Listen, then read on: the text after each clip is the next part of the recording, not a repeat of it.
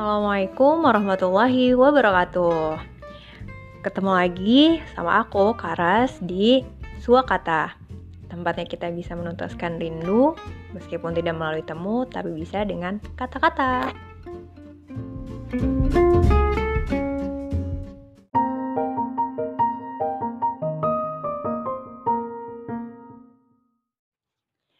Oke teman-teman, balik lagi di Suakata ya.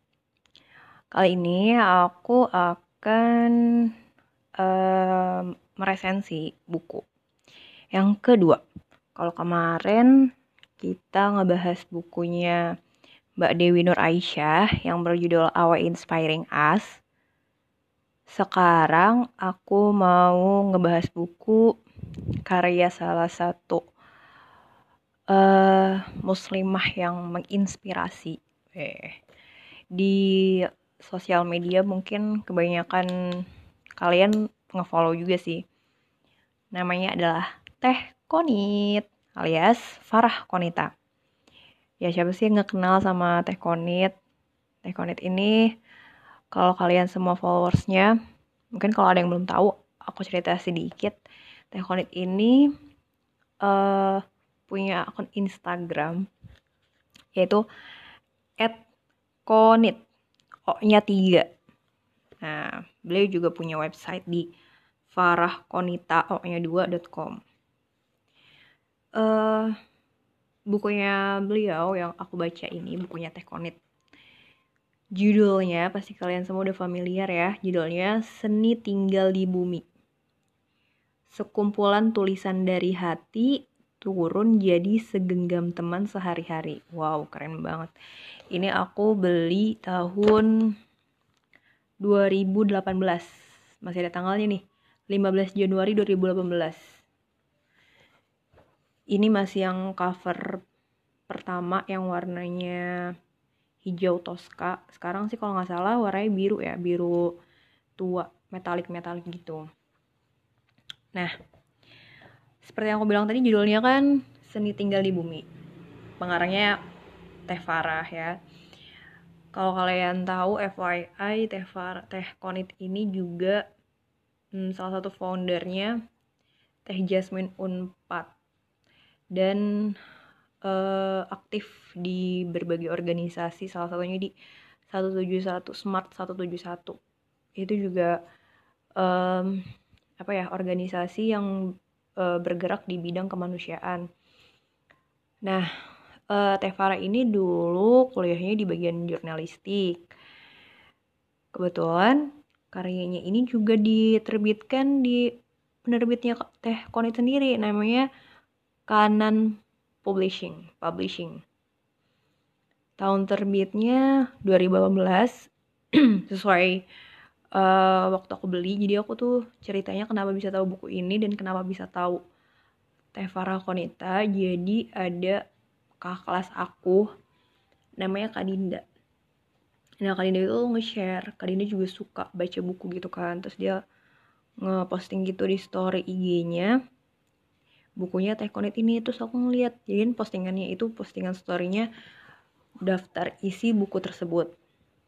Terus aku kayak ih kok menarik banget sih judulnya. Terus aku nanya aku DM buku apa tuh kak?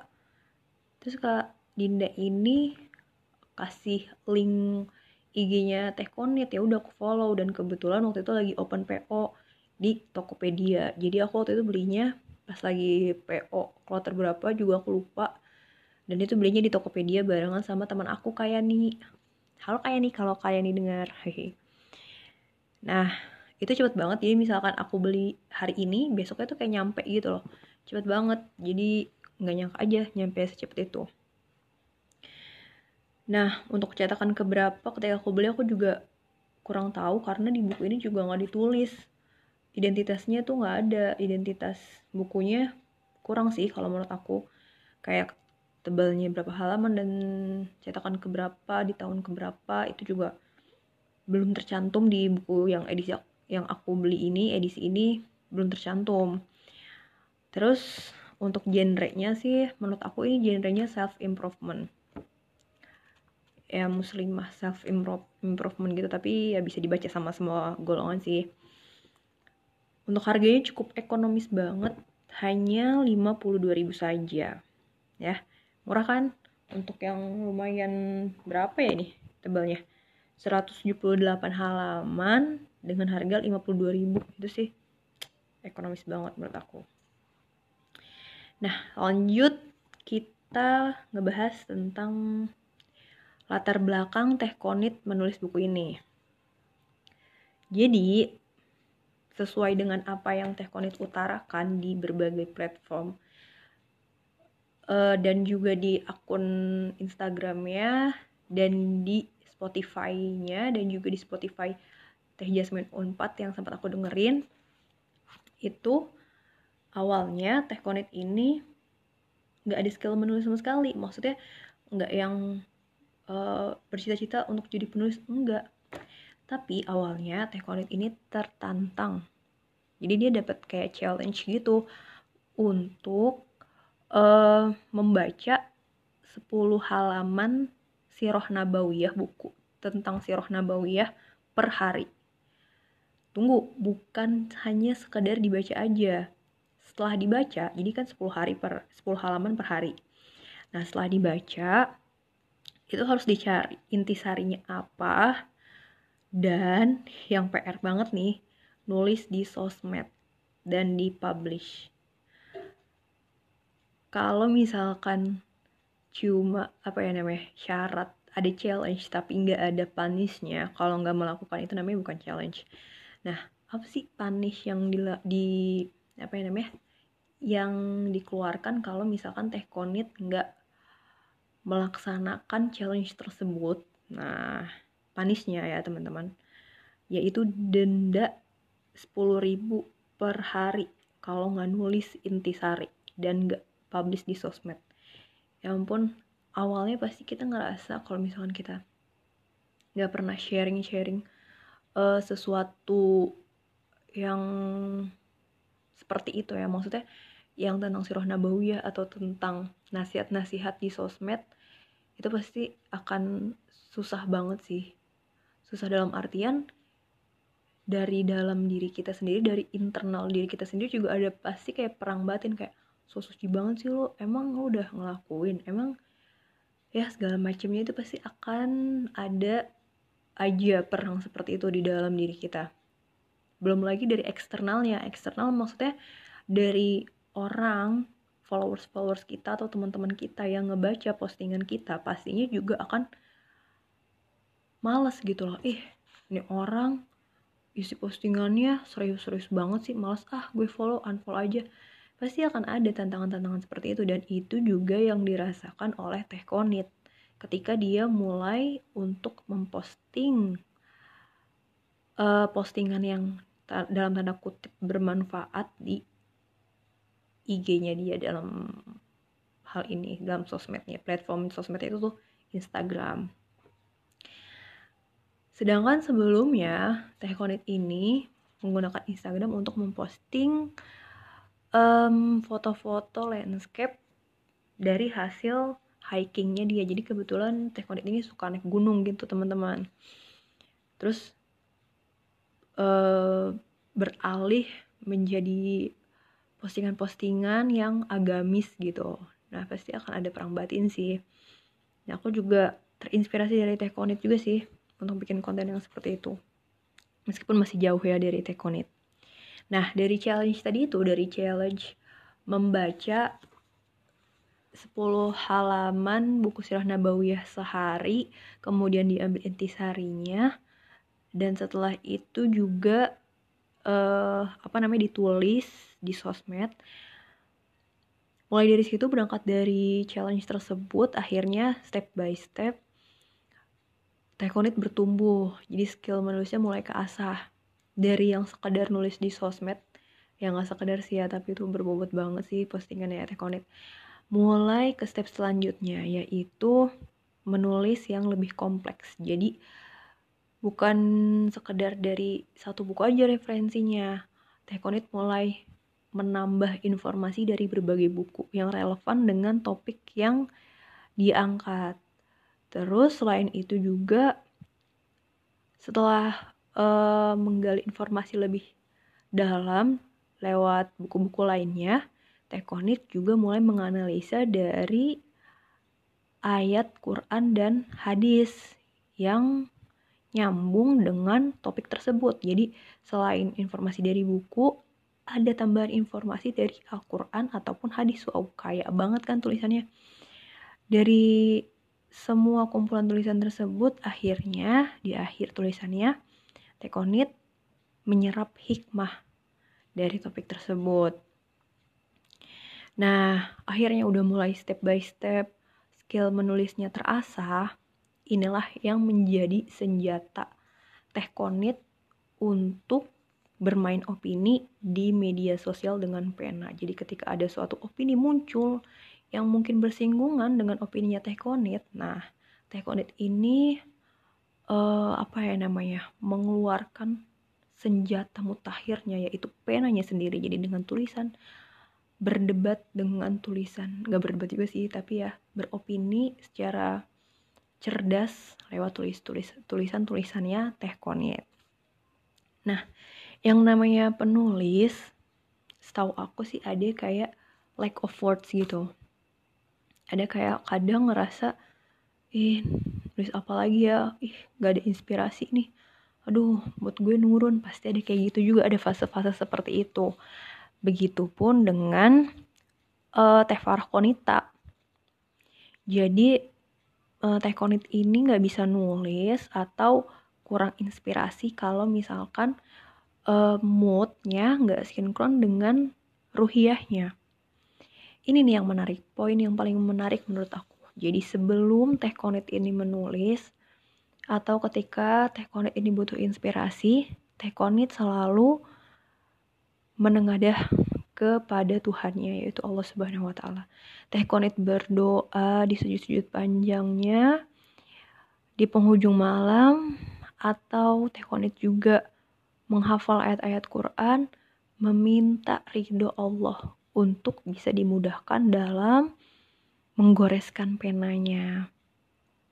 Dan ketika ritual, dalam tanda kutip ya, ritual tersebut sudah dijalankan secara otomatis, inspirasi itu melesat dengan cepat. Jadi yang kayak tiba-tiba ngetiknya lancar terus kayak misalkan hmm, kita dapat saluran sinyal wifi yang super kenceng nah itu dia yang dirasain Tekonit kalau misalkan setelah melakukan ritual tadi ya soal tahajud menghafal ayat Quran. Ini poin yang mungkin kadang kita suka lupa ya. Dan Tekonit ini mengingatkan lagi di bukunya. Akhirnya masih cerita tentang latar belakang kenapa buku ini bisa terbit. Setelah tiga tahun bermain di sosmed yang diawali oleh challenge membaca tersebut, Tekonet akhirnya mikir, gimana ya kalau nanti aku udah gak bisa main sosmed lagi, masa cuma di keep di sosmed aja gak ada yang kayak bentuk um, apa ya namanya yang bisa lebih luas lagi jangkauannya bukan hanya sekedar di sosmed gimana kalau orang nggak bisa nggak punya sosmed tapi dia nggak tahu atau kurang jang, uh, tidak menjangkau si orang tersebut yang ingin membaca karyanya atau karyanya tidak bisa uh, tersebar luas. Akhirnya terpikirlah, tercetuslah ide Tekonit untuk mengumpulkan tulisan-tulisannya di sosmed tersebut dan menjadikannya sebuah buku, menjadikannya karya tulis yang bermanfaat. Dan inilah dia, Seni Tinggal di Bumi. Jadi deh buku ini. Seni Tinggal di Bumi, sekumpulan tulisan dari hati, in di bold, di caps lock, di underline. Tulisan dari hati. Turun jadi segenggam teman sehari-hari. Ya Allah, so deep ya itu dia tadi latar belakang um, di balik penulisan buku Seni Tinggal di Bumi ini. Nah, terus ngomongin soal bukunya, bukunya ini terdiri dari 67 tulisan yang berbeda-beda. Tapi tetap ada benang merahnya. Nah, 67 tulisan ini terbagi menjadi enam tema besar. Jadi ini bukan novel teman-teman. Ini tulisan-tulisan yang tematik gitu. Tapi bahasanya ngalir banget. Dan cocok lah untuk kita semua kayak diajak ngobrol aja gitu sama Tekonit ada yang bentuknya cerita ada yang bentuknya opini. Nah enam tema besar tadi yang aku sebutin adalah pertama seni melangkah di bumi. Yang kedua tentang hati yang ingin dicintai nah tema yang ketiga tentang perempuan yang keempat manusia langit yang kelima, dunia di sekitarmu. Dan yang terakhir, menapaki keabadian. Dari enam tema besar tadi, terbagi lagi menjadi 67 tulisan. Yang benar-benar mengobrak-abrik emosi jiwa kalian. Bahkan tanpa sadar, kalian bisa loh ketika membaca, nggak kerasa air mata tuh netes. Saking dalamnya tulisan Teh Konit ini karena bener-bener kerasa dari hatinya itu tadi gitu teman-teman jadi yang penasaran ya nanti kita kasih tahu aku kasih tahu di mana kalian bisa mendapatkan buku ini oke okay? nah next dari review yang tadi aku kasih ke kalian ada pastinya setiap karya ada plus minusnya kalau hmm, plusnya sih dari aku tadi pertama bahasanya mengalir banget. Kedua menguras emosi. Terus yang ketiga buku ini karena yang aku bilang dimensi atau genrenya ini self improvement. Ini tuh cocok banget, match banget buat kalian yang butuh media untuk bermuhasabah. Karena buku ini pure mengingatkan kita tentang pentingnya um, hablum minallah dan hablum minanas. Jadi vertikal, hubungan vertikal dan hubungan horizontal. Terus uh, oh ya, packagingnya ini unik banget teman-teman. Jadi bukan hanya sekedar buku aja gitu ketika di, dikirim. Pas aku terima, aku buka uh, apa namanya bungkusnya ternyata dalamnya tuh kayak ada bungkus dari kertas karton bentuknya amplop. Dalamnya isinya buku. Ya ampun itu menarik banget sih dengan harga segitu. Harga 52.000 packagingnya unik banget. Ih pokoknya keren deh. Terus pengirimannya juga cepat. Dan itu juga udah include tanda tangan dan ucapan dari Teh Konit. Kalau ucapan yang aku dapet ya, semangat mendaki ke langit, ya itu ucapan dari Teh Konit. Terus uh, minusnya sih tadi yang aku bilang juga identitas bukunya kurang lengkap. Dan ini self publishing ya teman-teman. Jadi kalian nggak bisa menemukan di toko-toko buku umum seperti Gramedia, Gunung Agung dan segala macamnya.